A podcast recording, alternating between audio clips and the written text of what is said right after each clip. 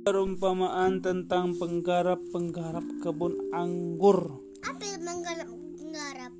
Apa pengelola emang ber- bertani. Suatu hari Yesus berkata kepada orang banyak, aku akan menceritakan kisah lain, perumpamaan yang lain, dan dia bercerita tentang orang-orang upahan. Adalah seorang kaya yang menanam anggur, ia menanamnya dengan hati-hati dalam jajaran-jajaran panjang, lalu ia memagarinya sekeliling kebun anggur itu dan dia juga mendirikan menara di tengah-tengah kebun anggur itu. Setelah semua selesai, orang kaya itu mengupah orang lain untuk memelihara kebun anggurnya. Lalu ia pergi ke sebuah negeri yang jauh. Pohon-pohon anggur itu tumbuh. Setelah berapa lama terdapat banyak buah anggur yang masak. Jadi orang kaya itu mengirim seorang hamba untuk mendapat sebagian dari buah buah itu.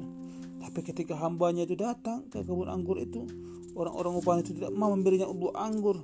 Mereka memukulinya dengan tongkat dan mengusirnya. Lalu pemilik anggur itu pun mengirim hamba yang lain, tapi orang upahan itu pun tidak memberinya, tidak mau memberinya anggur. Mereka melemparinya dengan batu dan mengusirnya. Setelah itu, pemilik kebun anggur itu mengirim hambanya hamba yang lain, tapi orang-orang upahan itu mengusir semua hamba-hamba tanpa memberi mereka buah anggur.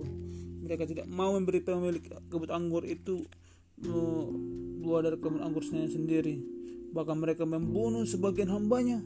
Jahat kali mereka. Akhirnya pemilik kebun anggur itu berkata, Aku akan mengirim anakku. Dan itulah mereka akan mendengarkannya. Orang-orang jahat itu melihat anaknya itu datang. Kata mereka, ayo kita bunuh anak itu.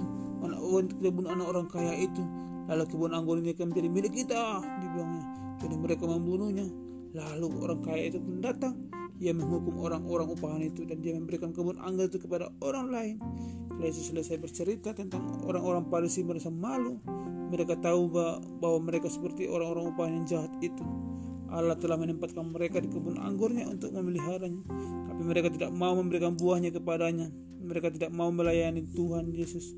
Mereka tidak mau mendengarkan nabi-nabinya atau mendengarkan Yesus dan mereka bermaksud membunuh semua nabi-nabi yang ada, Yesus dan anak Allah sendiri. Tapi dengan terus terang Yesus memperlihatkan dalam cerita itu bahwa Allah itu akan mengambil kebun anggur itu dari mereka, akan memberikannya kepada orang-orang lain, kepada semua orang yang percaya kepadanya. Amen.